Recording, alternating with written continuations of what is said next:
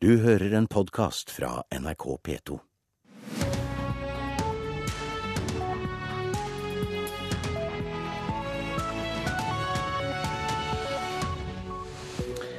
I dag er det 70 år siden D-dagen. Det skal vi markere her i denne sendingen etter hvert. Men eh, først nå 6.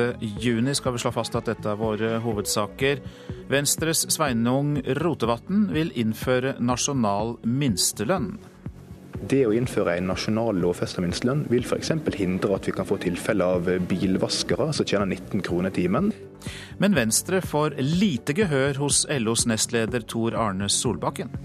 Det oser av forakt for organisert arbeidsliv i den beskrivelsen som ligger til grunn for dette representantforslaget.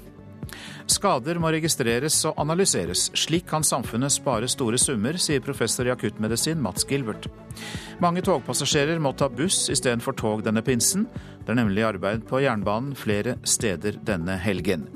Og Celtic-jobben er en mulighet Ronny Deila ikke kan si nei til. Det mener fotballeksperten vår i NRK, Carl Petter Løken, om tilbudet til uh, treneren.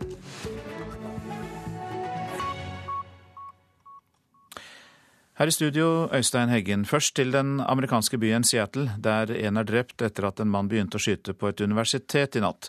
Tre personer ble skadd. Politiet har kontroll på gjerningsmannen. Store politistyrker rykket ut da det kom meldinger om nok en skyteepisode ved en amerikansk skole. Inne i et av universitetsbyggene på Seattle Pacific University begynte mannen å skyte rundt seg. Politiet mistenkte først at de hadde med flere gjerningsmenn å gjøre, og evakuerte og sperret av deler av området.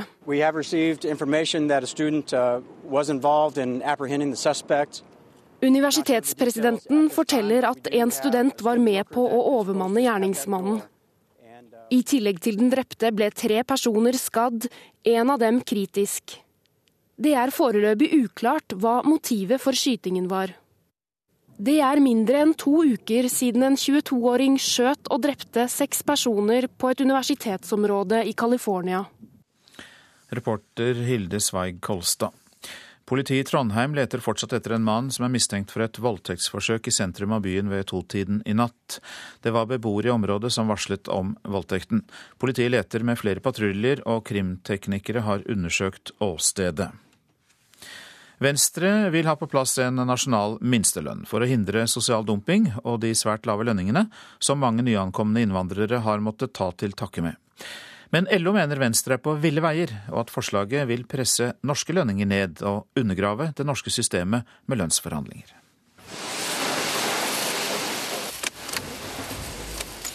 Vegstøv og gjørme forsvinner med skyllevannet. En langt blankere bil forlater en av de mange vaskehallene i Oslo, og det til en svært billig penge for bileieren. Men som NRK har fortalt, viser kontroller Arbeidstilsynet har gjort, at lønna ved noen av disse og andre arbeidsplasser tidvis er så låg at det grenser til slaveri. Venstre mener en nasjonal minstelønn kan være veien å gå, sier Sveinung Rotevatn. Det å innføre en nasjonal lovfesta minstelønn vil f.eks. hindre at vi kan få tilfeller av bilvaskere som tjener 19 kroner timen. Eh, det er uakseptabelt, og dersom Stortinget mener det, så bør de også si det gjennom en lov.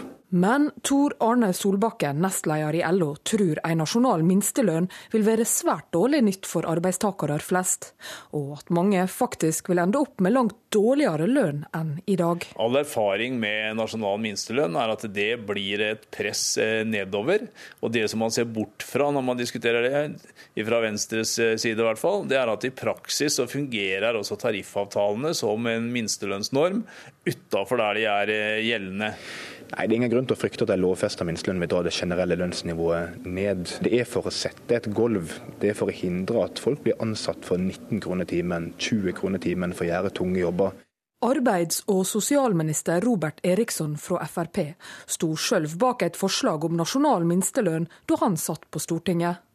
Nå åpner han for å se på Venstres lovforslag. Vi får stadig større innslag av organisert arbeidskriminalitet, der det er også halvparten av eh, arbeidstakerne er utafor det, det øh, organiserte arbeidslivet. Det er ting som regjeringa til hver tid vurderer tiltak opp imot. Og I den sammenheng og hvordan ting vil utvikle seg videre framover, så vil jeg ikke kategorisk avvise at det kan være at man en gang i framtida skal utrede om man skal ha en minstelønnsordning. Men fra LO sine kontor på Youngstorget står Solbakken på sitt.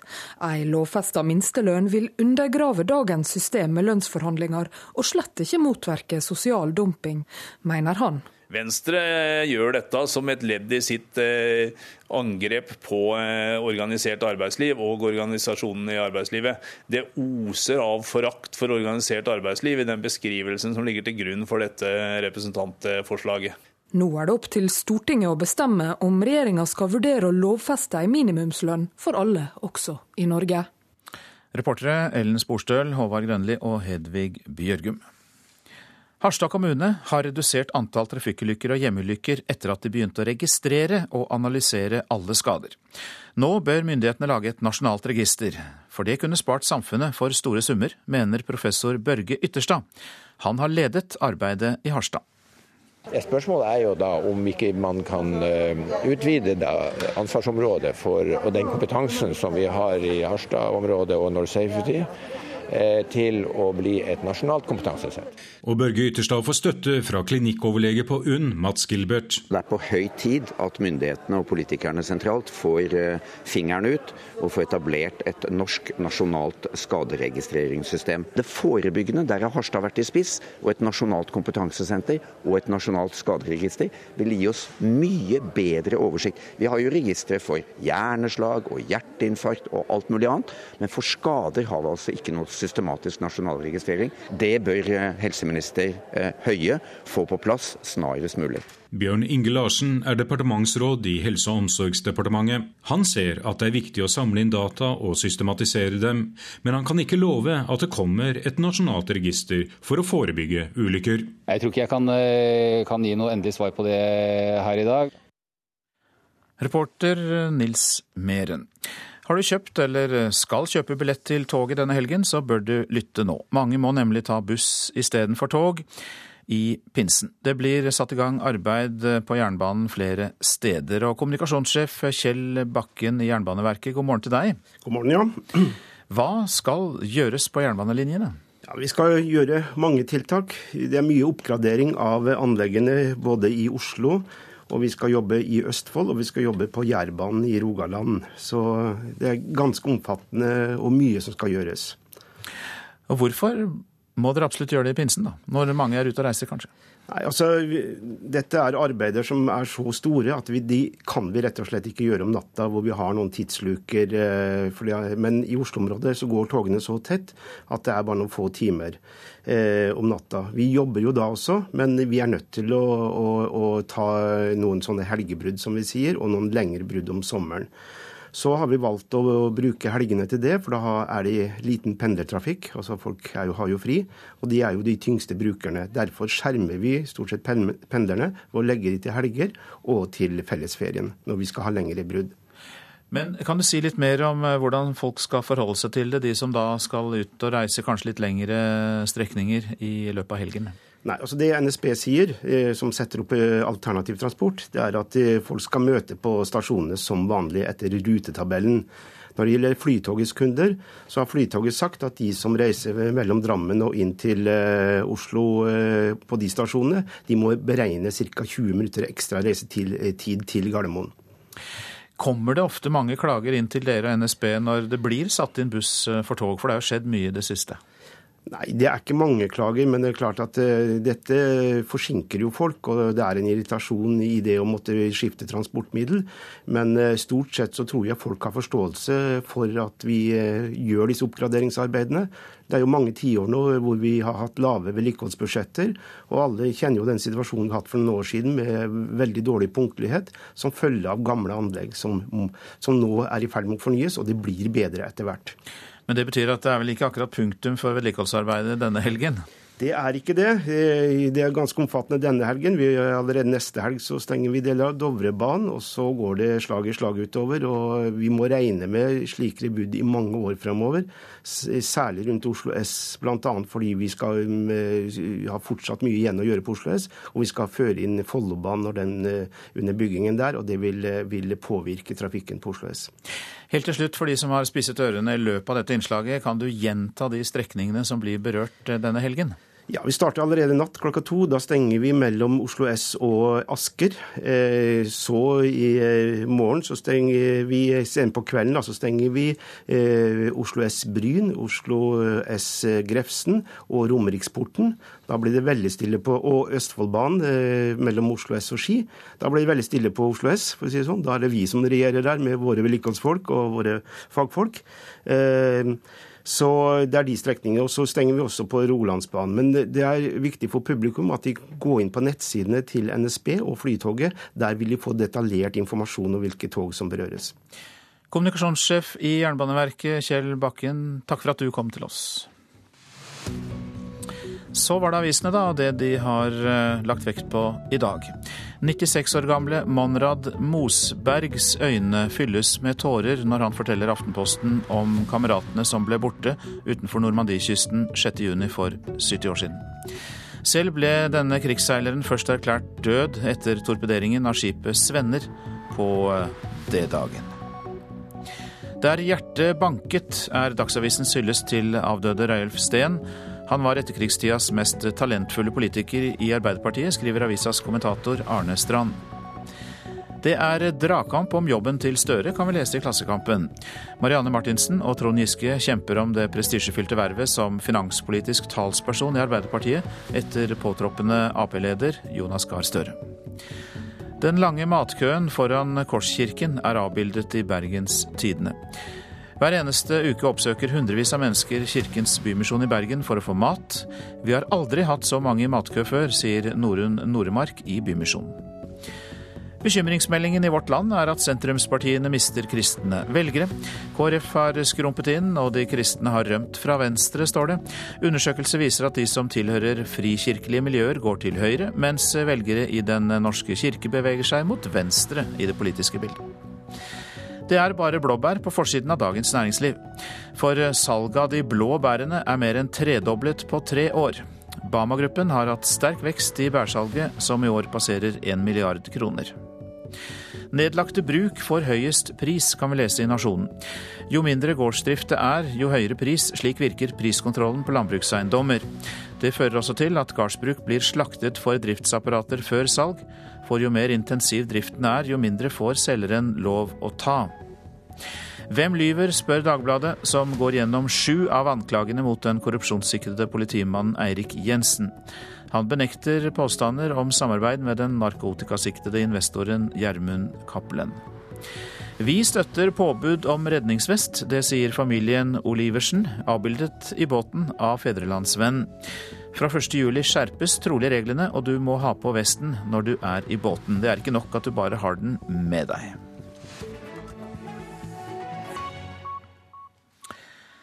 Celtic-jobben er en mulighet Ronny Deila ikke kan si nei til. Det mener fotballekspert eh, i NRK Carl Petter Løken om tilbudet til Strømsgodstreneren. I dag blir 38-åringen etter alt å dømme presentert som manager i den skotske klubben. Det her er eh, en mulighet som Ronny Deila ikke kan si nei til, egentlig, hvis han eh, får den. He's, he's performed well in Norway, and he'll perform well here in Scotland. Celtic-tilhengere i eh, godt humør ønsker den relativt umeritterte Deila velkommen til Glasgow. It doesn't matter what nationality as long as you're a good manager. Ingenting har ennå blitt bekrefta fra korkje Celtic, Strømsgodset, Deila eller agent Tore Pedersen. Men flere medier, både norske og skotske, hevder at Deila allerede er i Skottland, og etter alt å døme blir presentert som ny Celtic-manager i dag. Whoever comes in, we will support the boy. Why? Because it's, it's Glasgow Celtic. Deila vil i så fall bli den første norske manager i skotsk fotball. Flere har prøvd seg over grensa i sør i England. Samtlige har floppa. Det er jo ikke veldig mange norske trenere som har hatt suksess på de britiske øyer så langt, så vi kan jo håpe på at Ronny Deila får det. og Så får vi jo håpe på da at enda flere trenere kan få muligheten i utlandet fremover. Karl Petter Løkken der, til reporter Ole Rolfsrud. Dette er Nyhetsmorgen, og klokka den er kvart på sju om et par sekunder. Dette er hovedsaker. Venstre foreslår å innføre nasjonal minstelønn. LO stritter imot og mener forslaget tvert imot vil gi lavere lønn for mange. Mange togpassasjerer må ta buss istedenfor tog denne pinsen. Arbeid på linjen flere steder. Skader må registreres og analyseres i et sentralt register. Slik kan samfunnet spare store summer, sier professor i akuttmedisin Mats Gilbert. SV tror ikke det blir mindre støy og lavere CO2-utslipp når båtmotoravgiften forsvinner. Gjermund Hagesæter i Fremskrittspartiet derimot tror det vil føre til lavere utslipp av klimagasser. Men så er det da slik at finanspolitisk talsmann i SV, Snorre Valen, er sterkt uenig. Beklager språkbruken, men da prater Gjermund Hagesæter skit. Fordi eh, det er rett og slett ikke sant. Snorre Valen legger ikke skjul på hva han mener om avgiftskuttet på båtmotorer i revidert nasjonalbudsjett. Regjeringen tror kuttet vil ha positive miljøeffekter, fordi båteiere tar seg råd til å skifte ut motorene sine. Nye båtmotorer de forurenser mindre og bråker mindre enn gamle båtmotorer.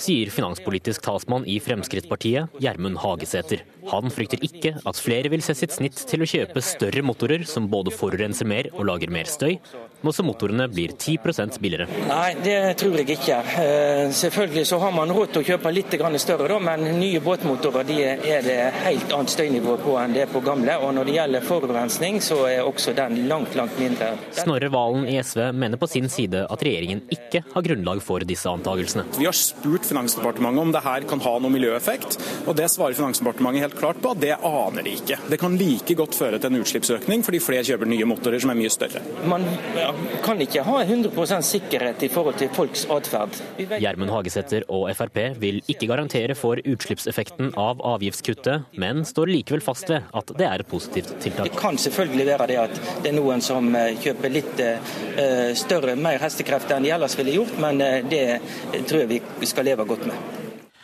Og Reporterne som orienterte oss om denne striden mellom SV og Frp, det var Joakim Nyquist og David Krekling. Over halvparten av omtrent 700 barnesykler i Tromsø er i så dårlig teknisk stand at de er direkte trafikkfarlige. Det viser nemlig resultater etter at organisasjonen Sykkelbyen Tromsø har utført service på sykler ved nesten alle barneskolene i byen. Prosjektleder Gjert Henrik Fedler mener resultatet er nedslående. Det som går igjen nesten hele tiden, det er problemet med bremsene. Og Mekanikerne rapporterer om eh, helt opp i 60-70% av syklene er på grensen til trafikkfarlige, eller helt trafikkfarlige, fordi de har dårlig bremsekraft eller rett og slett ingen bremsekraft. Og Det er det desidert største problemet. I går så hørte vi at helseminister Bent Høie støtter forslaget om å legge ned akutt- og døgnfunksjonene ved sykehusene i Kragerø og på Rjukan. I Kragerø er turistene bekymret for lengre reisetid fra hyttene til akuttmottakene. Ja, Det er jo så dramatisk at det er nesten sånn at du ikke kan tro i dag at sånne ting skjer. Og det er jo Vi sitter jo her i dag, og i dag er det jo stille og rolig her, forholdsvis her i Kragerø. Men nå er vi jo akkurat på vei inn i sommersesongen. Og da å ikke skulle kunne ha et sykehus i nærheten å dra til, det høres ganske dramatisk ut. Rønhaug Andersen fra Nøtterøy i Vestfold sitter og myser mot sola mens hun spiser lunsj ved båthavna i Kragerø. Hun mener at det å vite at man har mulighet for akutt behandling i nærheten, kan være med å påvirke hvor man velger å tilbringe feriene. Ja, Det tror jeg så absolutt. Så absolutt. Og spesielt da, kan vi si, folk i, i vår alder nå. For du vet jo aldri når, når ting kan skje. Om sommeren tredobles befolkningstallet i Kragerø, og det er særlig eldre mennesker som er tidligst ute med å ta i bruk hyttene sine. Nå frykter ordfører i Kragerø, Kåre Preben Hengeland at turistene vil tenke seg om to ganger før de velger Kragerø som sitt sommersted. Det er klart at de vil tenke seg litt bedre om. Nå skal vi som kommune vi må oppgradere legevakta vår eh, for å ta høyde for at noe mer kan skje. Men samtidig så, så, vil nok det gjøre noe med hvordan de tenker at hvordan helse er, når de velger å dra til Kragerø og fritidsboligen sin. Til nå så har det kunnet vært veldig greit, fordi de vet at de har hatt et sykehus som kan ta akutt eh, også. Eh, kort vei unna hytta. Sykehusdirektør Bess Frøysov sier de har god oversikt over de sommerturistene som har hatt behov for spesialisthelsetjenester de siste tre årene. Og Sist sommer så var Kragerø sykehus eh, på døgnbasis, altså med innleggelser, stengt i fire uker. Og vi hadde kun de forventede innleggelsene fra Eh, lokalbefolkningen eh, i Skien. Ingen turister ble innlagt eh, i Skien som følge av at Kragerø sykehus ikke hadde, hadde, døgnaktivitet. På en hvit benk ved brygga i Kragerø sitter Øyvind og Britt Hagvik.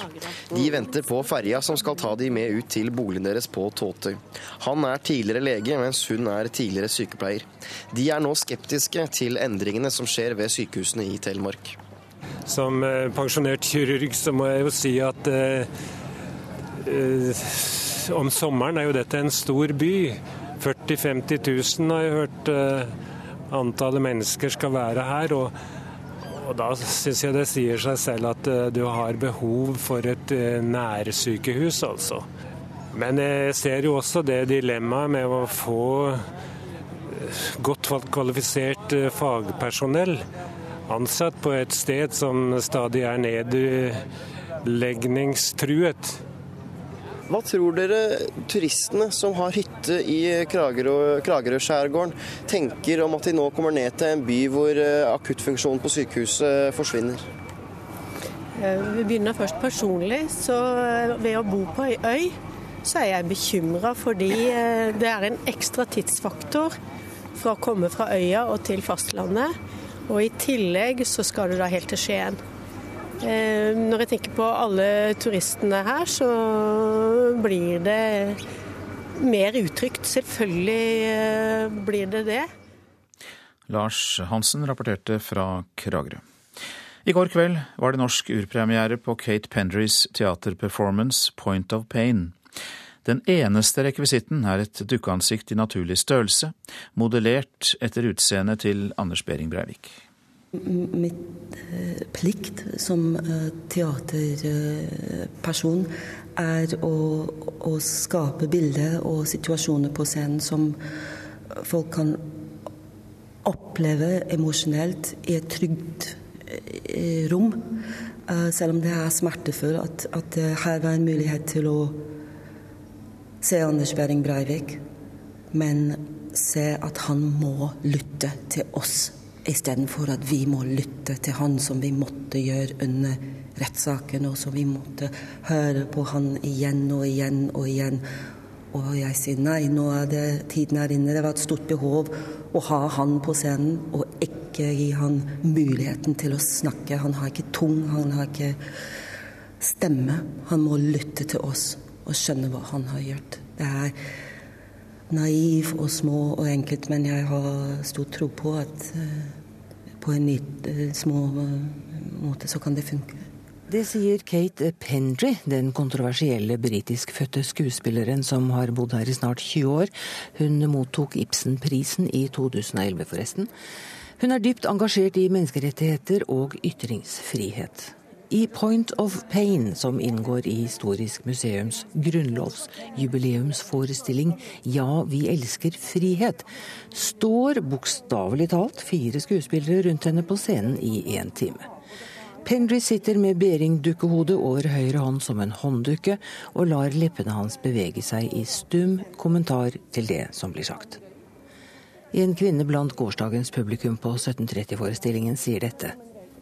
Jeg syns det var veldig bra. Det er første gang jeg har sett noen behandle kunstnerisk det som skjedde i 2011. Og det var spennende med den forhistorien, at hun har gjort det i Midtøsten og at hun der ble sensurert. Var det noe her som sjokkerte deg?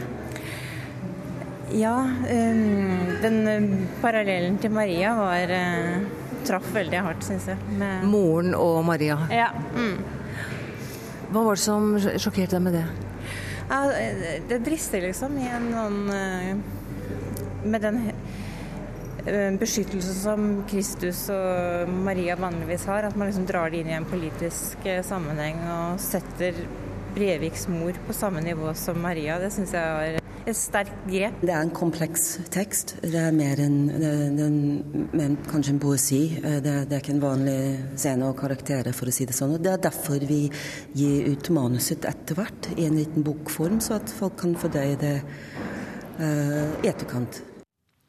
Ja, Det sa Kate Pendry, og reporter var Sølvi Fosseide. I morgen åpner arkitekturbiennalen i Venezia, og den blir regnet som den viktigste arkitektutstillingen i verden. I år har Norge valgt å vise hvordan arkitekter var en del av det norske bistandsarbeidet på 1960- og 70-tallet. And I will now go down and cut the ribbon, so it will be officially. Thank you.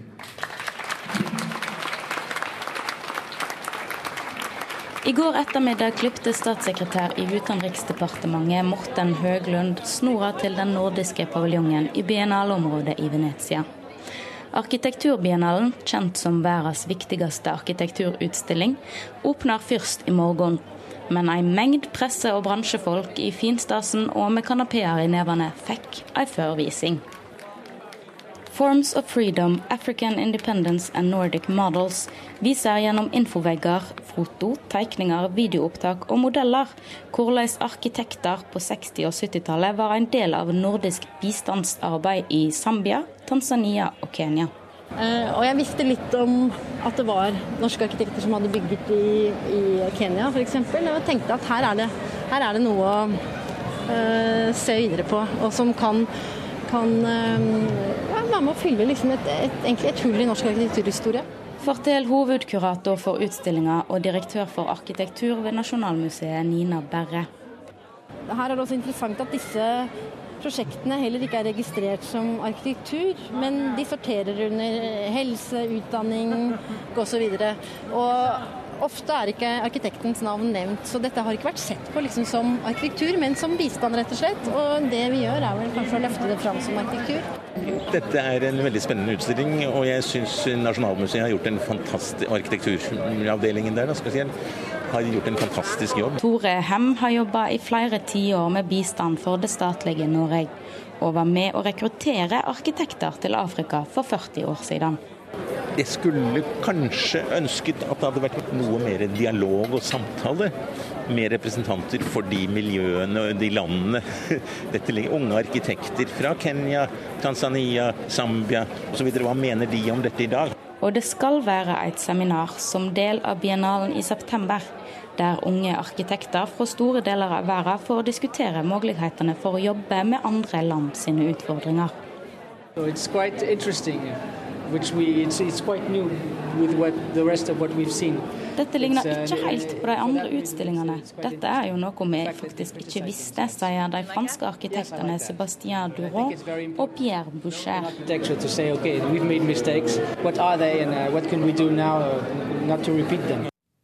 Reporter i Venezia, Maria Pile Svåsand.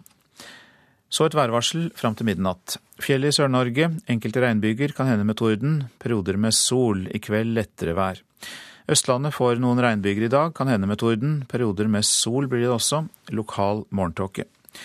Telemark og Agder noen regnbyger, perioder med sol, i kveld lettere vær. Vestlandet sør for Stad enkelte regnbyger, kan hende med torden. Fra i ettermiddag stort sett pent vær i ytre strøk. Møre og Romsdal får perioder med liten kuling på kysten. Det blir enkelte regnbyger i fylket, utrygt for torden. Trøndelag får til dels pent vær. I ettermiddag eh, blir det mindre vind enn nå på morgenkvisten. Det blir utrygt for regnbyger og torden i Trøndelag.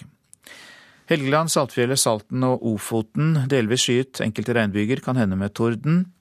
Lofoten og Vesterålen delvis skyet, enkelte regnbyger, mulighet for tåke. Troms delvis skyet oppholdsvær, men eh, i indre strøk enkelte ettermiddagsbyger kan hende med torden. Det kan bli tåke på kysten av Troms.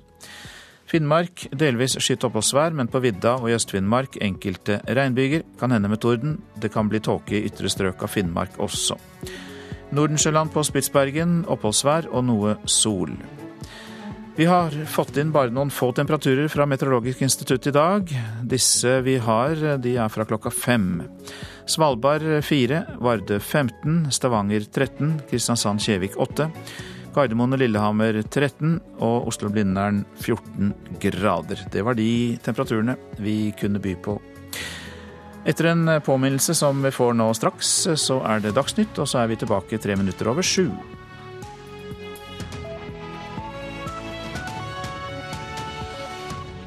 Du hører en podkast fra NRK P2. Og her fortsetter Nyhetsmorgen. Ståhjulingene kommer, men de møter skepsis. Statssekretær Bjørn Hoksrud skal forsvare at Segwayenes inntog i Norge. Og vi tar inn vår reporter i Normandie. Der markeres at det er 70 år siden invasjonen der. Storm mot president Barack Obama og hans fangeutveksling i Afghanistan. Vi spør hvorfor dette er så omstridt. Og vi skal høre at den nye batteridrevne fergen på Sognefjorden ikke har strøm nok til å steke svele. Det er stor motstand mot at ståhjulinger, også kjent som Segways, skal få slippe til i trafikken. Regjeringen vil tillate ståhjulinger i gater, i sykkelfelt og på fortau, men nesten samtlige høringsinstanser er betenkte. Norges Blindeforbund er blant dem som frykter at ståhjulingene på fortau kan føre til ulykker med fotgjengere. Det sier seksjonsleder der, Sverre Fuglerud. Vi er veldig skeptiske til å la Segway kjøre på fortau. Vi kan ikke helt se hvordan det kan gjøres eh, uten at det vil eh, føre til stor fare for samstøt med personer. Det du hører her er en ståhjuling, et sjølbalanserende kjøretøy som snart blir lov å bruke i Norge. Ståhjulingen er elektrisk, du står altså på den og styrer med å lene kroppen framover eller til sida. Den skal kunne brukes i gata eller på veier der fartsgrensa er under 60, i sykkelfelt og på fortau. Men travle fortau er krevende nok for synshemma fra før, sier Sverre Fuglerud. Hvis vi ser på Danmark, så er det ikke lov der å bruke Segway på fortau. Av de 25 høringsinstansene som har uttalt seg, er det stort sett importørene av farkostene som mener de har noe i trafikken å gjøre. Lastebileierforbundet er redd for ulykker i blindsona til lastebiler. Forsikringsbransjen vil ha krav om ansvarsforsikring. Veidirektoratet ber om hjelmpåbud, og helsemyndighetene er redd folk skal gå og sykle mindre. Oslo politidistrikt mener ståhjulinger i smale sykkelfelt kan skape farlige situasjoner, sier politioverbetjent Inge Frydenlund. Problemet er når de skal passere hverandre, og spesielt her i Kirkegata som vi står. For her har de sykler lov til å sykle mot kjøreretningen. Og Det vil jo si at den som prøver å kjøre forbi, den har jo da møtetrafikk rett i front. Men det er ingen grunn til bekymring, mener forhandler Kåre Varsin hos MC Oslo. Vi har jo allerede andre tilsvarende kjøretøy på fortauet. Da tenker jeg på tråsykler. Og snart har vi jo en mengde elektriske tråsykler også. Så jeg tror nok at dette her vil gå seg til og ikke skape noen større utfordringer enn det vi allerede har. Åge Bjørge importerer Segway til Norge. Til tross for at en av hans produkter koster over 50 000 kroner, mener han ståhjulingen vil bli til både nytte og glede for både bedrifter og privatpersoner. Jeg tror det kommer til å bli en sånn 80-20. At det kommer til å være 20% privatpersoner. Det er de som kanskje vil ha den største grillen i gata. Og så blir det 80% mot bedrifter. Men Hva slags nytte har en bedrift av det? Det øker jo produktiviteten. F.eks. på Gardermoen der en går 20 000 skritt. Bruker mye tid på dette. Men har ikke folk bedre av å gå enn å kjøre Segway? Produktiviteten det går på der. Politioverbetjent Frydenlund sier at folk kan ha problemer med å skjønne hvor ståhjulingen kan brukes. Det er faktisk et motorredskap de kjører, og så har de fått noen av rettighetene til syklistene. Annet så vil jo det ikke være motorferdsel i utmark vil jo ramme disse. Det er jo ikke, vil ikke være anledning til å bruke det i utmark. Eh, skogsbilveier vil jo heller ikke være tillatt, forutsatt at ikke det er åpent for motorkjøretøy. og I hvert fall i området i Oslo her så er jo ikke det tillatt. Reporter det var Kjartan Røslett. Vi tar kontakt med studio i Harstad, for der er du statssekretær i Samferdselsdepartementet, Bård Hoksrud. God morgen. God morgen, god morgen. Hva i all verden er den viktigste grunnen til at dere vil tillate disse ståhjulingene, når du hører hvor sterk motstanden er?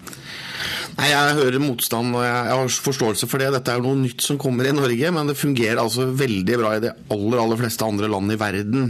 Og jeg tror heller ikke det blir sånn at dette kommer til å eksplodere. Det er forholdsvis dyrt å kjøpe selvbalanserende kjøretøy.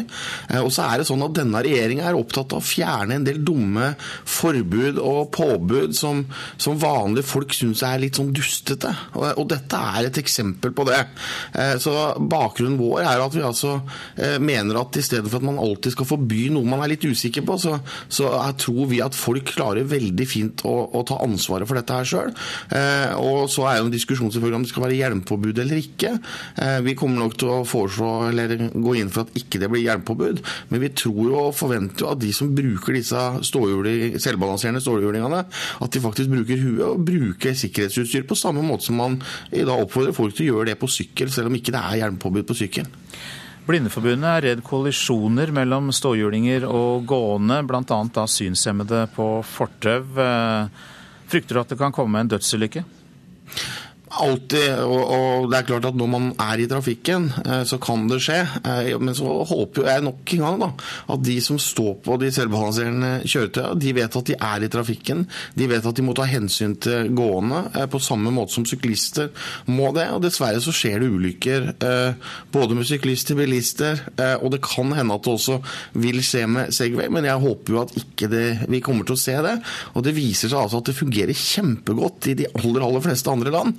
Men i Norge så er det alltid sånn at når det er noe som er nytt og noe som er litt skummelt, så er det som det første da er alle piggene ut. Jeg tror at når dette kommer på plass, så vil vi si at ikke blir det så mange som, eh, som noen her frykter. Eh, og jeg tror at de som kommer til å kjøpe det også, kommer til å bruke det med, med vett og forstand på en god måte. Så jeg ikke, har ikke den bekymringa som en del av disse organisasjonene nå framfører. Er det noe aldersgrense her? Ja, det blir 16 års aldersgrense, sånn at dette er ikke for, for barn. Og det er altså promillegrense på samme måte som det er med bil. Så hvis man blir tatt for å kjøre med over 0,2 promille, så, så får det store konsekvenser. Men politiet sier jo at det kan bli for trangt i smale sykkelfelt, eh, der det da både skal være sykler og ståhjulinger, og at det kan føre til eh, farlige forbi, forbikjøringer. Altså, dette blir jo da et kjøretøy som du kan nærmest bruke overalt der det er under 60 km i timen. Både på vei, både på sykkelfelt og både på fortau. Er ikke det å gi disse Segwayene for mange rettigheter? Det, er, det, vi har ønska, er å legge opp til at det er ganske likt med det som er for vanlige syklister og elsyklister. Nå kommer jo elsykkelen for fullt. Eh, og dette er altså, Forskjellen er at man har hjula på sida av hverandre, mens på en sykkel så står de foran, eller foran og bak hverandre. Så det er altså veldig lite forskjell på en elsykkel, og det tar omtrent den samme plassen, eh, en Segway eller en, en selvbalanserende kjøretøy, som det en sykkel tar. sånn at vi tror ikke at de, mange av de problemstillingene og problemene som en del løfter opp, vil være der. Og det er altså sånn at Denne går i maks 20 km. På sykkel kan du kjøre i både, både 30, 40 og 50 km, eh, også i tett befolka, befolka, områder. Sånn at eh, jeg tror dette kommer til å gå veldig bra. At det er litt sånn eh, Som sagt, som jeg sier, det er litt skummelt, og det er litt tidlig. Eh, og man har liksom ikke innført det, men det altså fungerer kjempebra i veldig mange andre land. Helt til slutt, har statssekretæren sjøl prøvd dette? Nei, jeg har ikke det. fordi Jeg skal ikke prøve det før det blir lovlig, men jeg har veldig lyst til å prøve det. For det ser utrolig gøy og spennende ut. Og jeg tror det er god, et godt framkomstmiddel, for, eh, spesielt for næringslivet som har lange avstander og, og trenger effektive måter å komme seg fram på.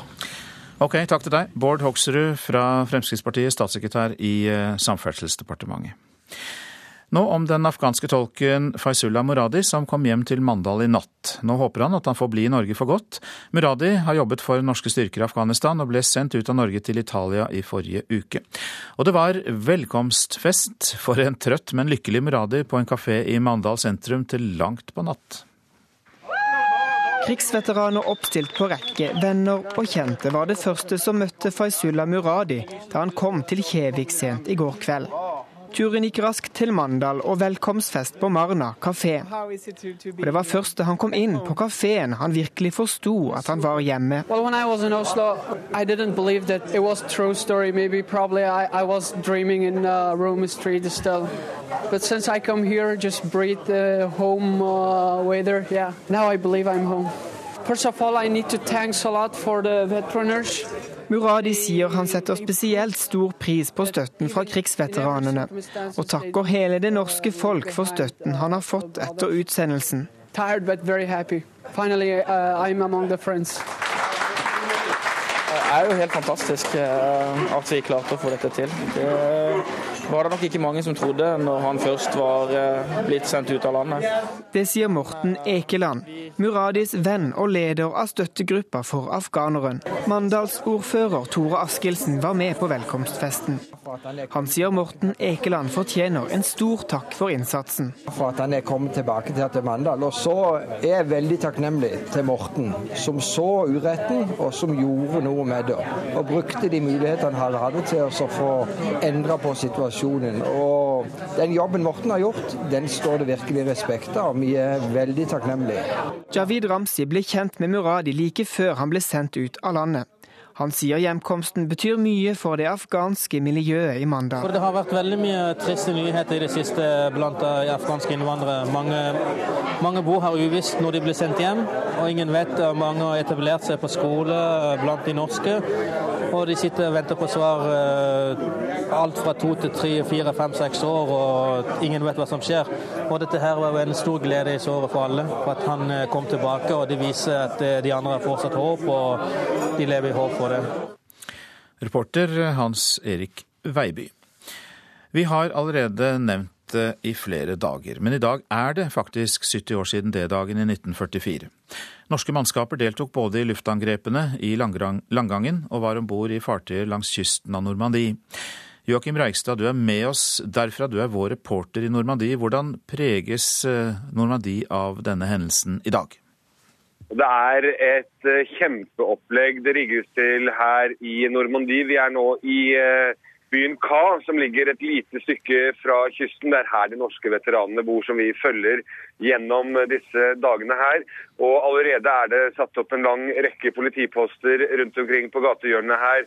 De passer på, for det kommer jo intet mindre enn 19 stats- og regjeringssjefer til Normandie i løpet av de neste timene som skal være med på denne svært høytidelige markeringen som skjer i ettermiddag. Ja, La meg gripe fatt i det med en gang, Reigstad. For ved siden av det seremonielle som vi kan snakke litt om etterpå, så er det altså da også politiske samtaler når noen av verdens mektigste ledere samles?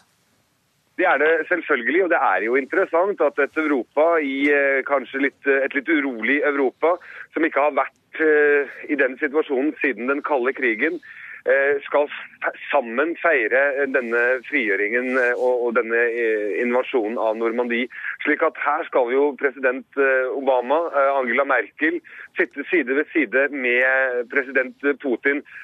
Og det kommer helt sikkert til å bli samtaler mellom de i løpet av dagen, men det blir nok ingen formelle samtaler. Vi snakket i går med Erna Solberg, som mente at dagen først og fremst burde være en påminner om hvilken kamp de mange soldatene førte for nettopp et fritt Europa og for å bekjempe symbolikk og nasjonalisme i sin ytterste og verste form. Og Hvis det kan være en liten bieffekt av Normandie-feiringen, så vil jo det være svært lykkelig, en svært lykkelig situasjon for situasjonen i Europa. Men det er kanskje å tro på, jeg vet ikke, julenissen?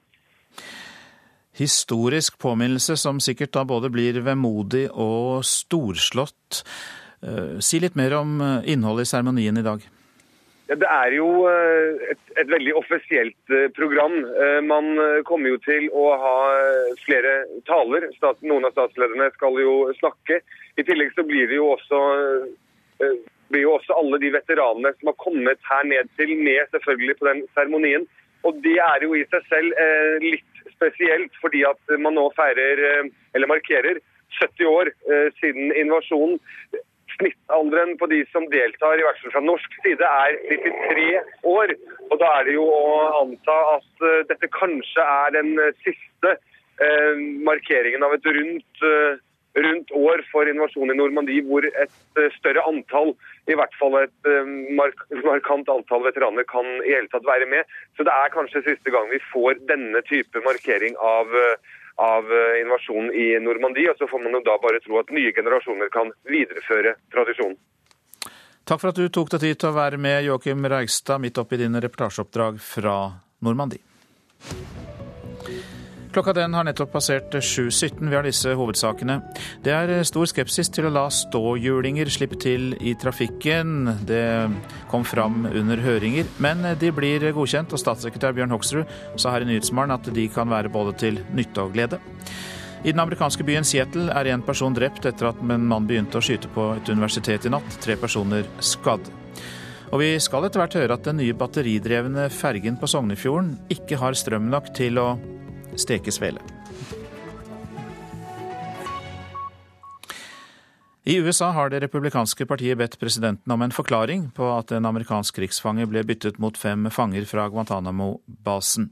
Utvekslingsavtalen i Afghanistan har ført til kritikk mot Barack Obama, som blir kategorisk tilbakevist av presidenten selv. Good afternoon, everybody.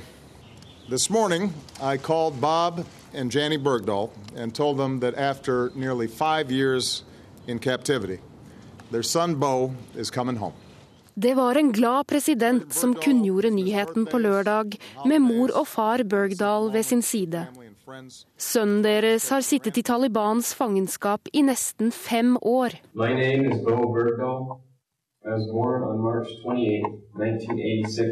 Taliban har i løpet av årene sendt ut amatørvideoer som viser soldaten i fangenskap. Foreldrene hans har kunnet se han spise, trene og trygle om å bli hentet hjem. Og nå er han endelig på vei. Men presidenten har fått kritikk for måten 28-åringen ble hentet ut av Afghanistan på. For prisen for å få Bergdal hjem var å frigi fem Taliban-medlemmer fra USAs varetekt på Guantánamo-basen. Opposisjonen mener at den prisen var for høy, og krever nå svar. I tillegg påstår flere at Bergdahl deserterte fra det amerikanske forsvaret. Men president Obama insisterer på at han handlet rett, og presiserer nok en gang at det er nødvendig å få soldatene hjem.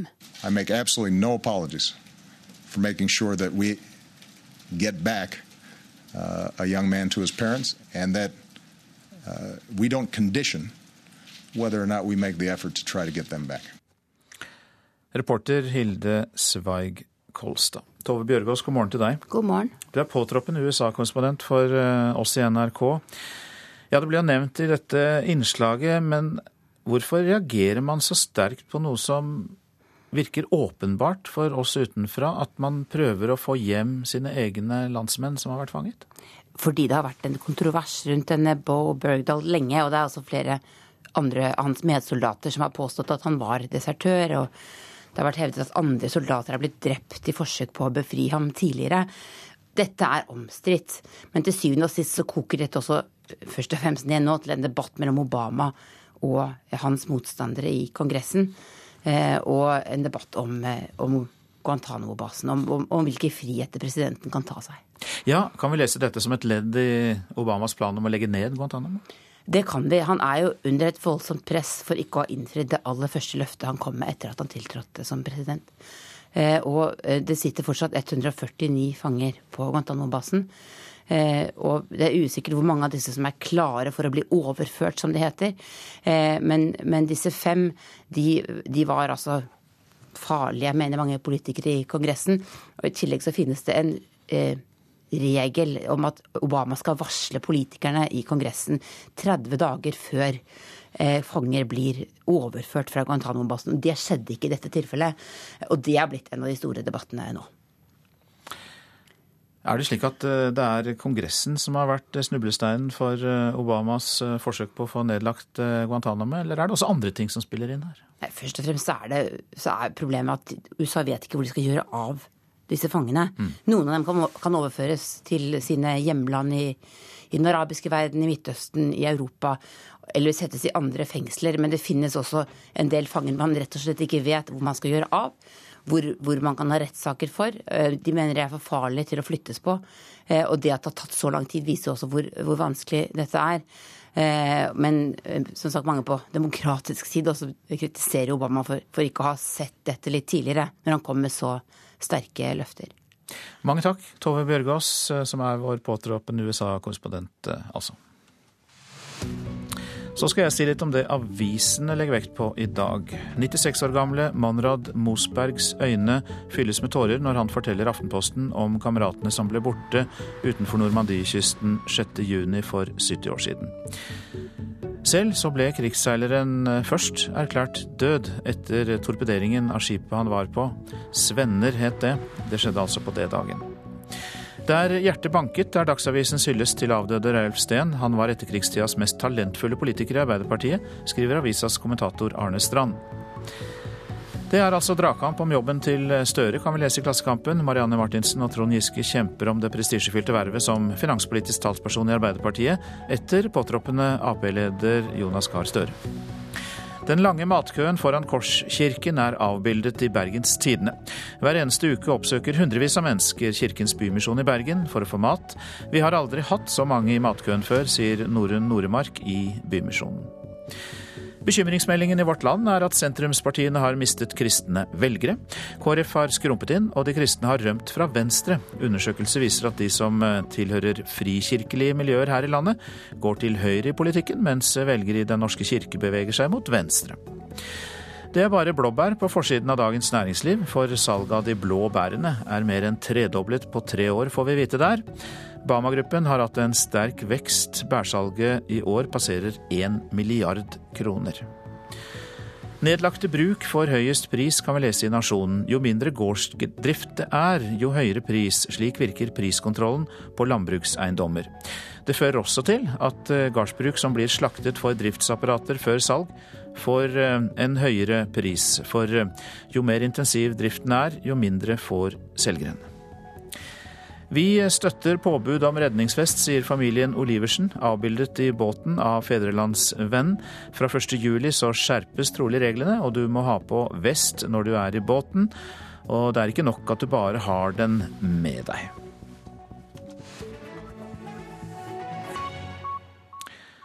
Norske oljearbeidere er mer utsatt for eh, flere typer kreft enn resten av befolkningen, skriver Dagbladet. Det går fram eh, av et doktorgradsarbeid ved Kreftregisteret. Blant rundt 40 000 offshorearbeidere som ble fulgt mellom 1999 og 2009, ble det observert over 2000 krefttilfeller. For noen krefttyper er det klare forskjeller mellom offshorearbeidere og den øvrige befolkningen.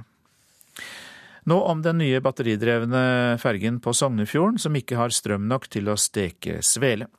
Det tradisjonsrike svelesalget må vike på den første batteridrevne fergen, som da går på sambandet E39 mellom Lavik og Oppedal.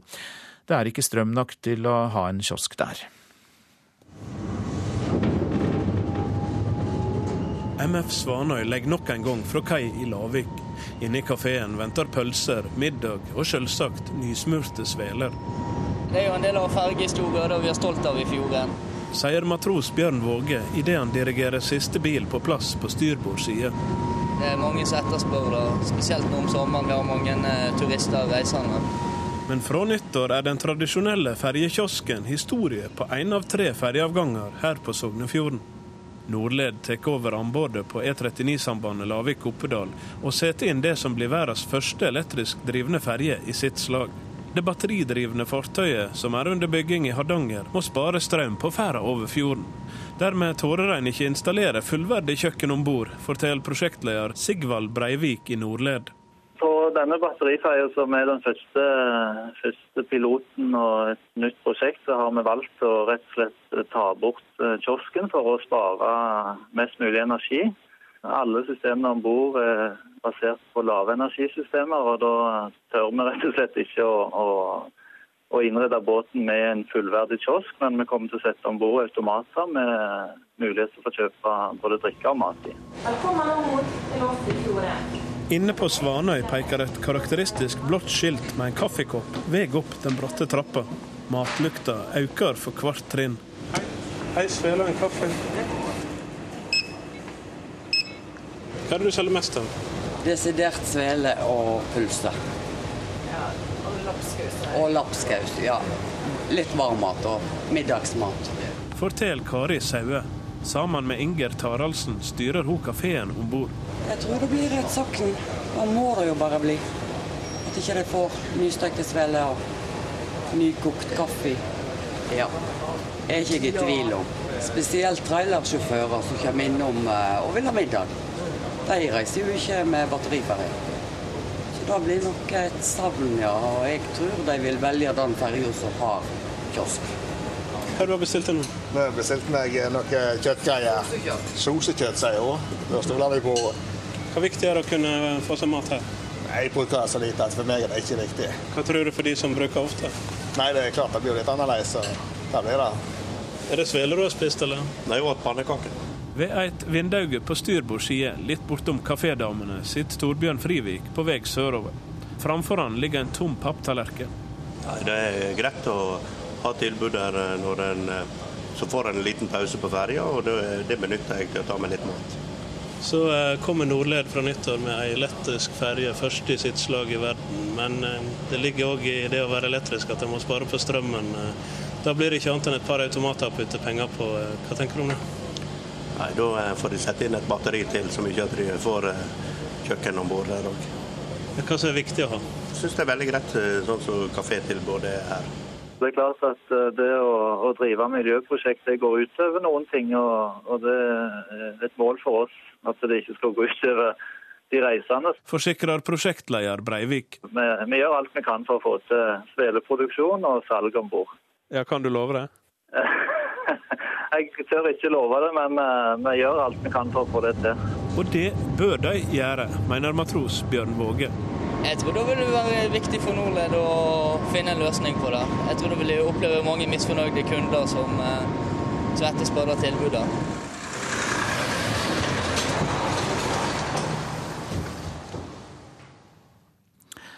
Og så legger vi til at de to andre fergene som trafikkerer sambandet Lavik-Oppedal, får vanlig kafédrift. Reporter her, det var Vidar Gudvangen. 170 000 politifolk og soldater skal ivareta sikkerheten under fotball-VM, som nå nærmer seg med raske skritt i Brasil. Vi får mer om det i reportasjen etter Dagsnytt. Asker kommunes bruk av First House for å påvirke motstandere av ny E18 er tema for debatten i Politisk kvarter. Og de får også tid til å debattere tigging der. Politisk kvarter altså, når klokka er kvart på åtte. Produsent for Nyhetsmorgen i dag, Marit Selmer Nedrelid. Her i studio, Øystein Heggen. Og så minner vi også da om nettstedet radio.nrk.no, der du finner mye god radio.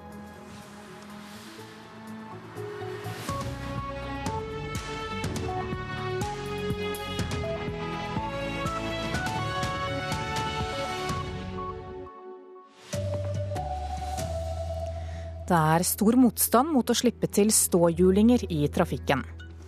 Flere er skutt på en skole i USA, én person har mistet livet.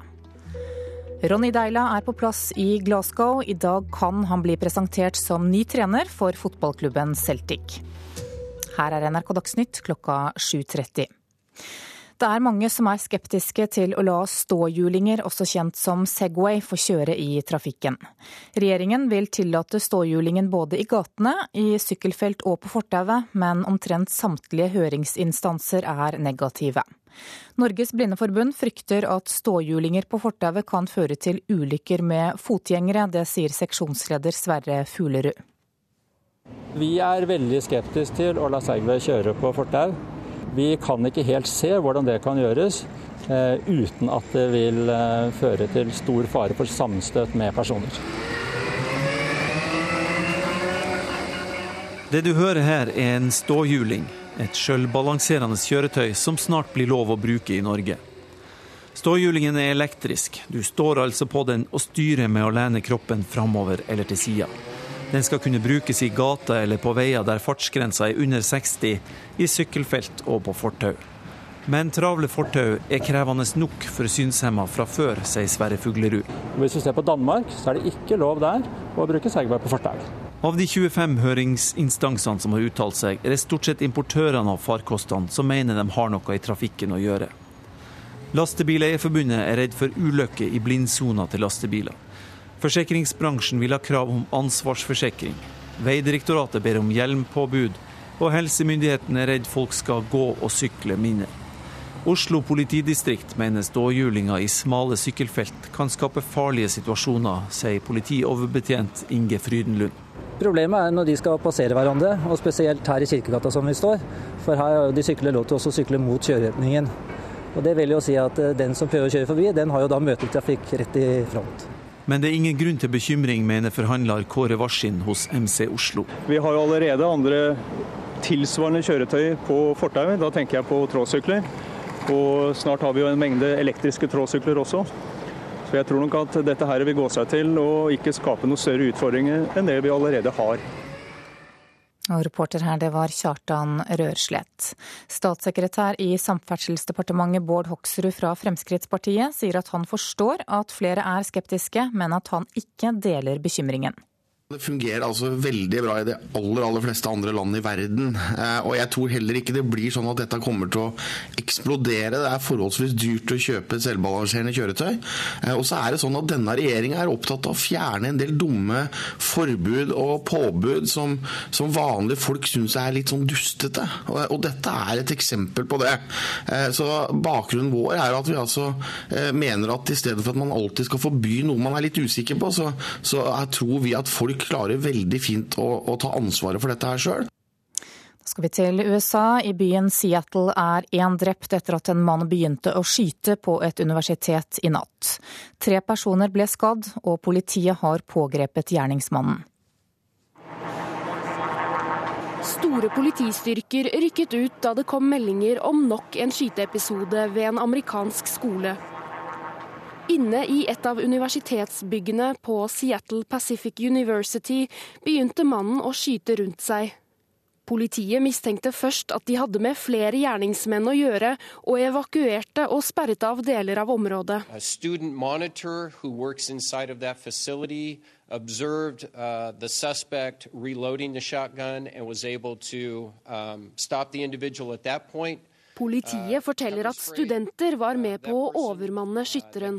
Da han skulle lade om våpenet, brukte de pepperspray før de la han i bakken. Mannen var bevæpnet med kniv i tillegg til skytevåpenet. Og politiet sier hendelsen kunne fått mye verre utfall uten studentenes raske respons. Gjerningsmannen skal være 26 år og var ikke student ved skolen. I tillegg til den drepte ble tre personer skadd, en av dem kritisk. Motivet for skytingen er foreløpig uklart. Reporter var Hilde Sveig Kolstad. En kvinne ble overfalt og forsøkt voldtatt i Trondheim sentrum i natt. Det var beboere i området som varslet politiet. Og politiet leter nå etter en mann i 20-årene som løp fra åstedet. Venstre foreslår å innføre en nasjonal minstelønn. Hensikten er å hindre at nyankomne innvandrere blir utnyttet i arbeidslivet. LO mener at Venstre er på ville veier, og at en slik minimumslønn vil presse ned norske lønninger. Vegstøv og gjørme forsvinner med skyllevannet ved en av de mange bilvaskehallene i Oslo. Men som NRK har fortalt, viser kontroller at lønna ved noen av disse andre arbeidsplasser er svært låg. Venstre tror ei nasjonal minstelønn kan være veien å gå, sier Sveinung Rotevatn. Det å innføre en nasjonal lovfesta minstelønn vil f.eks. hindre at vi kan få tilfeller av bilvaskere som tjener 19 kroner timen. Eh, det er uakseptabelt, og dersom Stortinget mener det, så bør de også si det gjennom en lov. Men Tor Arne Solbakken, nestleder i LO, tror ei nasjonal minstelønn vil være svært dårlig nytt for arbeidstakere flest. All erfaring med nasjonal minstelønn er at det blir et press eh, nedover. Og det som man ser bort fra når man diskuterer det, fra Venstres eh, side i hvert fall, det er at i praksis så fungerer også tariffavtalene som en minstelønnsnorm utafor der de er eh, gjeldende. Arbeids- og sosialminister Robert Eriksson fra Frp sto sjøl bak et forslag om nasjonal minstelønn da han satt på Stortinget. Nå åpner han for å se på Venstres lovforslag. Vi får stadig større innslag av organisert arbeidskriminalitet. Det er ting som regjeringa til enhver tid vurderer tiltak opp imot. Og I den sammenheng så vil jeg ikke kategorisk avvise at man en gang i framtida skal utrede om man skal ha en minstelønnsordning. Det sa arbeids- og sosialminister Robert Eriksson fra Fremskrittspartiet. Reportere var Ellen Sporstøl, Håvard Grønli og Hedvig Bjørgum. Folk med hytte i Kragerø er bekymret over at deler av sykehuset i byen blir lagt ned. De er nå redde for hvor lang tid det kan ta å få hjelp dersom det skjer noe akutt når de er på hytta. Det er jo eh, så dramatisk at det er nesten sånn at du ikke kan tro i dag at sånne ting skjer. Og Nå er vi jo akkurat på vei inn i sommersesongen. Og da å ikke skulle kunne ha et sykehus i nærheten å dra til, det høres ganske dramatisk ut. Vil det å vite at man har et sykehus være med på å avgjøre hvor man legger ferien? Hvis man har den tryggheten i nærheten? Ja, Det tror jeg så absolutt. For du vet jo aldri når, når, ting kan skje. Det sier Rønhaug Andersen fra Nøtterøy. Hun er i dag en av de turistene som er med på å tredoble befolkningstallet i Kragerø i sommermånedene. Styremedlem i Visit Kragerø, Hege Lier, er bekymret for reisetiden til feriegjestene ved akuttsituasjoner. Og Vi ser også at veldig mange av de som er her eh, fra, eh, fra mars-april til september-oktober, er jo ofte pensjonister altså med skrantende helse som har behov for det akutte. Kan si at Fra Kragerø opp til Skien så er det én time å kjøre. Men hvis du skal ha reisevei fra en holme eller fra en øy i tillegg og inn til sentrum før du kan sette deg i en ambulanse, så, så snakker vi nær to timer eh, reisevei. Direktøren ved Sykehuset Telemark mener sommerturistene i Kragerø har all grunn til å føle seg trygge når de er på ferie der. Reporter var Lars Hansen. Så fotball. Ronny Deila kan bli presentert som ny trener for skotske, den skotske fotballklubben Celtic i dag. Deila selv har ikke kommentert om han er på vei bort fra Strømsgodset. Men det som er klart, er at han nå er i Glasgow. Og der er også du, reporter Hans Henrik Løken. Hva kan vi vente oss i dag? Vi kan vel vente oss en pressekonferanse på Celtic Park kanskje en gang rundt midt på dagen. Vi vet at Ronny Deilia eh, som sagt er i byen, og etter det jeg har fått opplyst eh, skal det kun være formaliteter igjen før avtalen er i boks mellom Celtic og Deila og Strømsgodset. The Scottish Sun, avisen eh, her i Glasgow, melder at overgangen er i boks, og at alle detaljer i avtalen er på plass allerede. Det har NRK ikke fått opplyst. Det jeg eh, vet er imidlertid at, eller det jeg kan erfare, da, er imidlertid at klubbdirektør Peter Lawell i Celtic har vært ganske utålmodig med tanke på å få denne avtalen i boks, fordi han skal på ferie til helga. Takk skal du ha, reporter Hans Henrik Løken i Glasgow. Ansvarlig for denne sendingen det var Gro Arneberg, teknisk ansvarlig Beate Haugtrø og her i studio Anne Jetlund Hansen.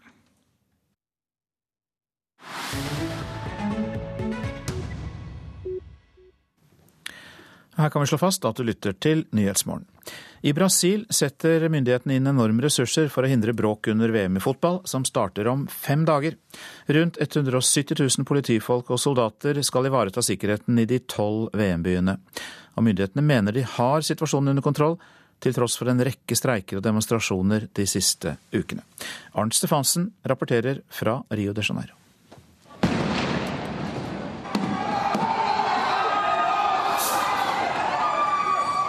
Det er full panikk på en T-banestasjon her i Rio. Giftig gass dekker området etter at en terrorgruppe har brukt kjemiske våpen. Mange av passasjerene ligger og vrir seg i smerte på perrongen og inne i vognene. Men heldigvis, det er bare en øvelse denne gangen. Utført av Rios sikkerhetsstyrker denne uken. Myndighetene er forberedt på det verste foran fotball-VM, som sparkes i gang torsdag den 12. juni. Å sikre at kampene går som planlagt, og at tilskuerne skal være trygge, har høyeste prioritet, sier Marco Ferreira, talsmann for Hærens forsvarssenter her i Rio de Janeiro. Nosso objetivo realmente é poder Um, um serviço e uma segurança. Vår oppgave er å sørge for at sikkerheten er den beste. Når folk drar til stadion for å se en VM-kamp, skal de kunne gjøre det uten problemer. De skal ikke bli hindret av demonstranter, og de skal ikke bli utsatt for noen fare, sier han. Og det er mange å passe på, for det er ventet mer enn 3,5 million besøkende til de tolv VM-byene under mesterskapet av dem vil rundt 600 000 komme fra utlandet. Det blir ikke noe VM roper deltakerne i en demonstrasjon her i Rio denne uken. Men få dager før mesterskapet starter, kan vi slå fast at det nå berømte kampropet ikke er sant. Det blir fotball-VM, selv om det har vært mange streiker og demonstrasjoner de siste ukene. Likevel er flertallet av brasilianerne misfornøyd med pengebruken og forberedelsene i forbindelse med arrangementet. I februar neste år har jeg vært i det offentlige skoleverket i 30 år. Og det er ingen tegn til bedring, sier læreren Edward Paparageiro. I stedet bruker man altså nærmere 15 milliarder dollar på et fotball-VM der de eneste som virkelig profitterer, er styrtrike entreprenører, korrupte politikere og selvsagt Fifa-pampene og deres sponsorer. Disse pengene skulle vært brukt på å bedre skolene, helsevesenet og veiene her i Brasil, sier læreren.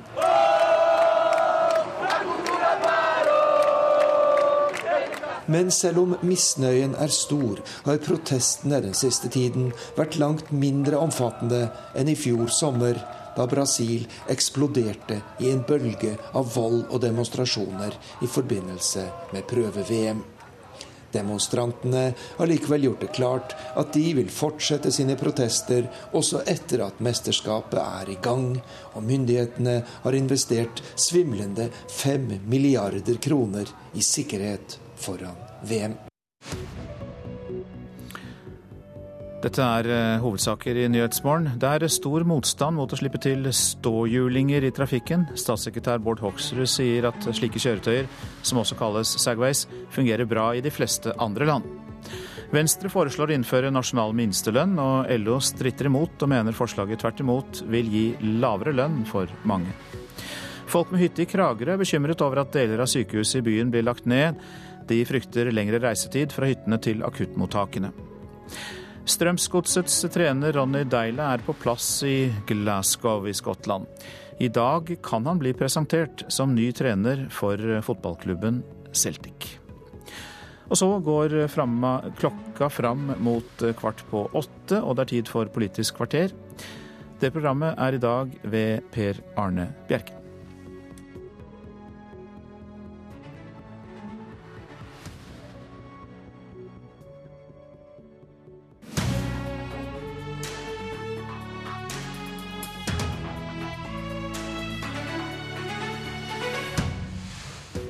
Trenger vi nye lover for å få mer åpenhet i PR-bransjen? Arbeiderpartiets Martin Kolberg møter Høyres Michael Tetzschner. Og Senterpartiet vil ha nasjonalt forbud mot tigging. Partiet bør ta mer hensyn til de sårbare og svake blant oss, mener KrF. I går fortalte Dagsrevyen hvordan Asker kommune har brukt flere hundre tusen kroner på en rapport fra PR-byrået First House for å påvirke regjering og storting for å få fortgang i byggingen av ny E18 gjennom bygda.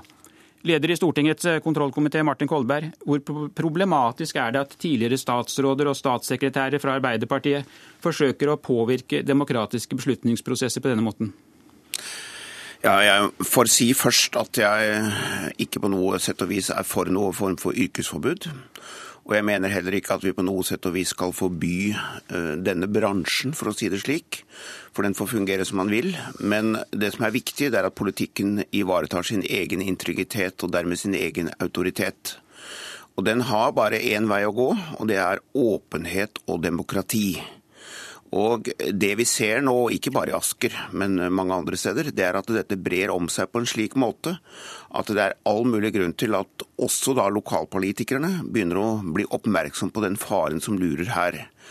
Og Det er selvfølgelig problematisk at også våre folk deltar i dette. Eh, jeg sa på Dagsrevyen i går og gjentar det, at eh, det gjør på situasjonen på sett og vis enda verre. Fordi at eh, sosialdemokratiet som instrument i samfunnet er helt avhengig av at vi har åpenhet, og at demokratiet er det som bestemmer og har kraft.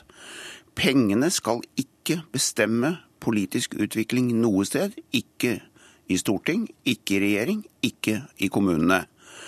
Og da må politikken ta seg sammen og slutte med dette. Men klarer den ikke det, så kan vi ikke forby dette. Jeg understreker det.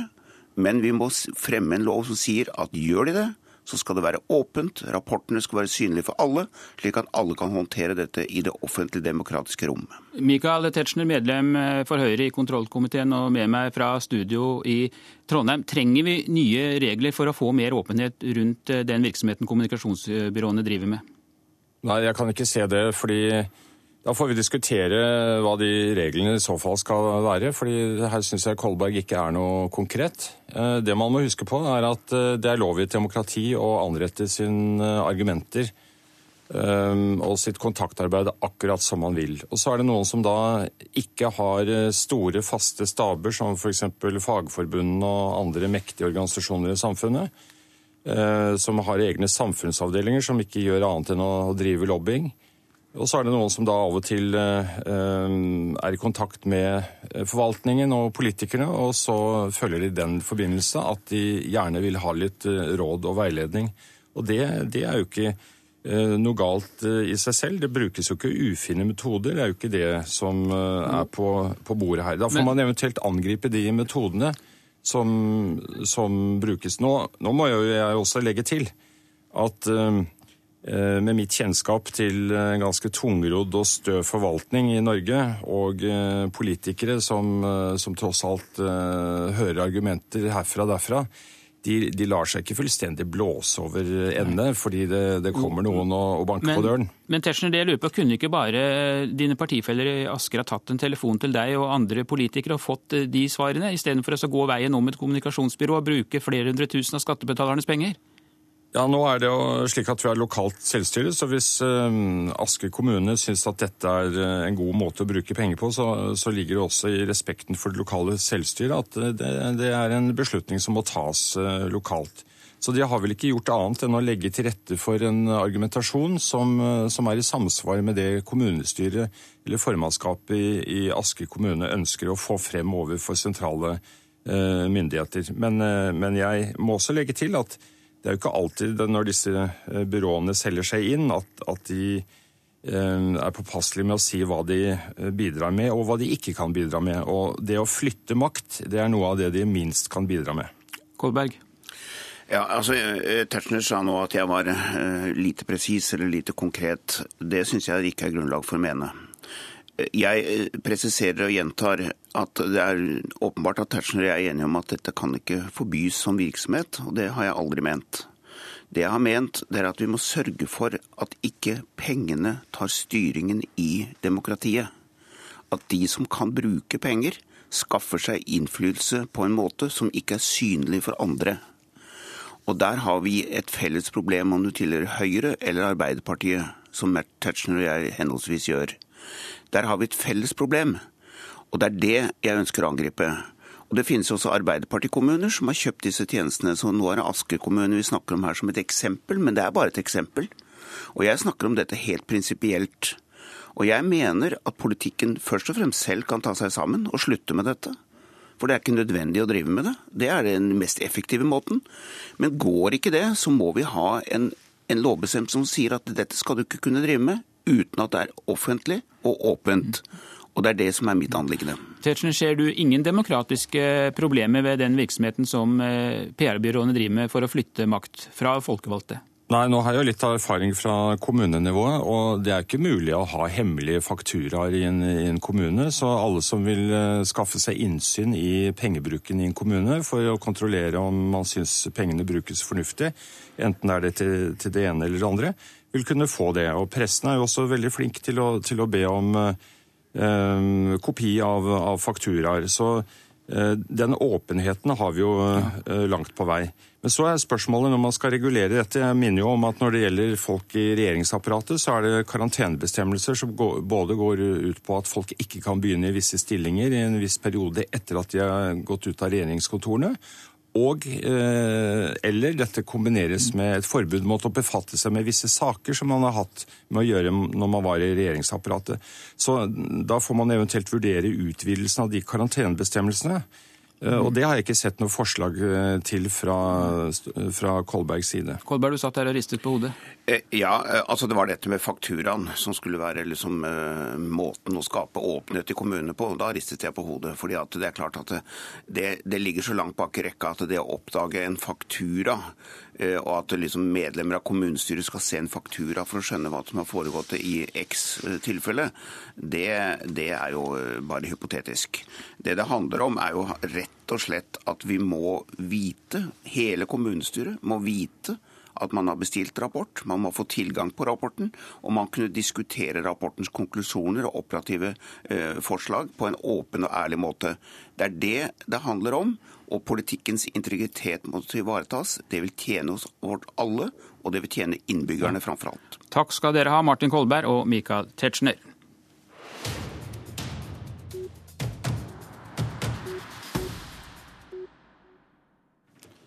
Like over pinse skal justiskomiteen avgi innstilling om tiggerforbud. Og dere i Senterpartiet ber regjeringen legge frem et eh, forslag om forbud mot tigging over hele landet, i stedet for at kommunene skal få avgjøre dette selv, slik regjeringen opprinnelig har foreslått. Hvorfor det, nestleder i Senterpartiet, Anne Beate Tvinnerheim? Jo, det har vært primærstandpunkt hele tiden. Og vi mener at et nasjonalt forbud utvilsomt vil være den beste løsningen for alle parter. Eh, ikke minst for, eh, for, kommunene selv, slik at vi unngår en sånn uverdig, eh, uverdig situasjon eh, hvor Eh, med f.eks. tiggere som da forflytter seg fra, fra, sted til sted. Eh, jeg tror at det vil bli en uholdbar situasjon som vil gjøre at denne debatten må opp igjen veldig raskt dersom vi ikke får innført et nasjonalt forbud. Og så er det også viktig at eh, f.eks. Politidirektoratet og Oslo-politiet er helt enig med oss om at dette vil være den beste løsningen. Kjell Ingolf Ropstad, justispolitisk talsmann i KrF. Dere er imot forbud både nasjonalt og lokalt. Skal Norge være et fristed for tigging? Absolutt ikke. og Hvis problemet er at du har ordensforstyrrelse eller tiggere som driver kriminalitet, så har politiet de virkemidlene de trenger. Og Politiet sjøl sier jo, eh, det er det bare tre av 27 politidistrikt som sender inn at de mener at det er et stort problem med tigging i dag, ifølge høringsutspillene. Så, så jeg mener at en angriper det som de kaller problemet feil, for problemet er fattige mennesker. Og fattige mennesker kan du ikke forby. Fattige mennesker kommer til å komme til Norge uansett. De kommer til å søke arbeid eller det kommer til å ty til tigging, som vi alle er enige om er nedverdigende for den enkelte som siste mulighet. Så det å forby andre mennesker å be om hjelp, det klarer jeg ikke forstå at Senterpartiet som et sentrumsparti skal bidra til å skape et flertall sammen med Frp og Høyre for, om det er nasjonalt eller om det er kommunalt. Tvinnerheim, er det ikke slik at det nå bidrar til å skape enda større problemer for mennesker som allerede ligger nede? Man kan ikke forby fattigdom, men man kan bekjempe fattigdom. Og det å eh, lukke øynene for den uh, uverdige situasjonen som uh, tiggerne da Eh, sitter i når de sitter eh, på gatene og ber om penger, det syns ikke jeg er det minste solidarisk. Så at dette skal bli en kamp om hvem som liksom er mest høyverdig moralsk eller solidarisk, det er jeg veldig ubekvem med. Jeg mener at det solidariske standpunktet vil være å hjelpe menneskene enten i hjemlandet dersom det er utenlandske tiggere, eller få et bedre tilbud til de norske tiggerne. Og så har jeg lyst til å minne om at det er ikke så veldig mange år siden vi hadde et nasjonalt tiggeforbud i Norge. Det er så seint som i 2006 at det ble endra. Og uh, Eh, og, og da eh, var situasjonen en helt annen. Da var det så å si utelukkende eh, norske tiggere, eh, i stor grad eh, narkotikaavhengige. Eh, og så eh, er situasjonen i dag helt annerledes. Og det var en samla justiskomité som i fjor sa at ja, situasjonen i dag er en helt annen enn i 2006, og det er helt relevant at vi nå ser på dette om igjen. Ropstad. Men en samla justiskomité sa så seint som i 2005, når den nye straffeloven ble innført, at den sovende paragrafen som hadde forbudt tygging da, den skulle oppheves. Eh, og det som jeg mener er spesielt i denne saken her, det er at det er Senterpartiet som bidrar til at regjeringa får et flertall for et forbud, om det er nasjonalt eller det er kommunalt. Fordi at det er ikke riktig at uh, utfordringa er kriminalitet, eller at det er uh, uro. Hvis, hvis, det er det som er problemet, så er politiet nok av virkemidler. Jeg mener at Senterpartiet burde heller stått sammen med KrF og de rød-grønne og sikra at en kunne fått et bedre tilbud til sosiale, for det er helt enig med. Enten det gjelder å bruke mer av EØS-midlene til å, å f.eks. få utdanning, arbeidstiltak i Romania eller andre østeuropeiske land som Senterpartiet er så bekymra for, eller å bidra til bedre bedre sosiale tiltak i Norge. Fordi det som skjer nå, det er at mennesker sannsynligvis kommer til å komme til Norge uansett for å prøve å søke arbeid. Og De kan være her i tre måneder. Hvis de ikke lykkes med å få arbeid, så trenger de hjelp i en eller annen forstand. Og Det som jeg har forstått Senterpartiet med sine forslag gjenger på, det er at norske tiggere skal få hjelp i Norge. Mm. Det betyr at det blir en mengde utenlandske tiggere som kommer til å være i Norge, eller ikke tiggere, da, for det får de ikke lov til å gjøre, men det er en utenlandske mennesker som trenger hjelp, og de skal ikke få hjelp av Norge. Det syns jeg er en veldig spesiell holdning. Eh, Tvinnereim, ja, hva skal dere gjøre med de utlendingene som kommer til Norge, og hvis de da ikke får lov til å tigge, og de faktisk da trenger penger for å opprettholde livet? Ja, For det første så har jeg lyst til å si at jeg mener at mitt utgangspunkt er at det er uh, uverdig uh, for et, en velferdsstat som Norge å, å uh, se gjennom øynene med tigging. Vi må ta mål av oss og ha et system som ivaretar disse menneskene på en mye, mye, bedre måte. Og så er det jo sånn at De utenlandske tiggerne som kommer til Norge, de kommer på et turistvisum. Da, det, da ligger det eh, som et premiss at de skal være i stand til å, å ivareta seg selv og kunne fø seg selv mens de er i Norge. Eh, og Derfor mener vi at eh, å, å skulle å, å skulle eh, bekjempe fattigdom i EØS-land gjennom å ha eh, legge til rette for tigging i Norge, det, det, er lite hensiktsmessig. Og så må vi jo ta inn over oss at det også er et element av eh, kriminalitetsbekjempelse i dette. Og når da Oslo politi og Oslo-politiet og Politidirektoratet er så entydige ja. på at nasjonalt forbud er, er eh, nødvendig, så syns jeg vi også må ta det inn over oss. Ja, men Vi er alle enige om at tigging ikke er det rette. Tigging vil aldri være en varig vei ut av fattigdom. Så at vi skal hjelpe mennesker til alle andre alternativer, er helt enig men dilemmaet er jo at menneskene er her, og de kommer til å komme her. De fleste søker lykken fordi at det er fattige land. altså Forskjellen fra 2005 og nå er jo at det er flere land som er blitt med i EU, og dermed har fri tilgang til Norge og kan være her i tre måneder. Hvis ikke de klarer å få arbeid, noe som er lite sannsynlig, så kommer de til å måtte gjøre noe for å få penger. Enten så skal en bare sitte og se på det, eller så skal en prøve å hjelpe dem. Og Det siste de har hatt som en sånn nødutvei i dag, er jo å be om hjelp. Og Det interessante er jo, programleder, er jo at det, det, er jo mange som hevder at det strider mot ytringsfriheten òg. Det har en siste mulighet til innstendig be andre mennesker om hjelp. Og det er blitt dømt f.eks. For i forvaltningsdomstol i Østerrike og delstater i USA. Ja. Så bare det burde jo få Senterpartiet til iallfall bevege seg i saken. Tvinnerheim kort.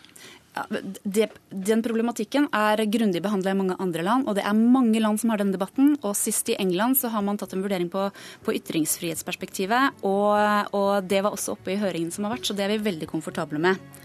Uh, men, men uh,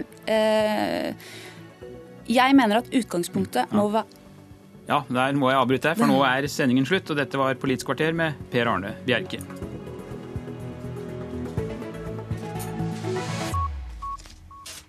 Du har hørt en podkast fra NRK P2.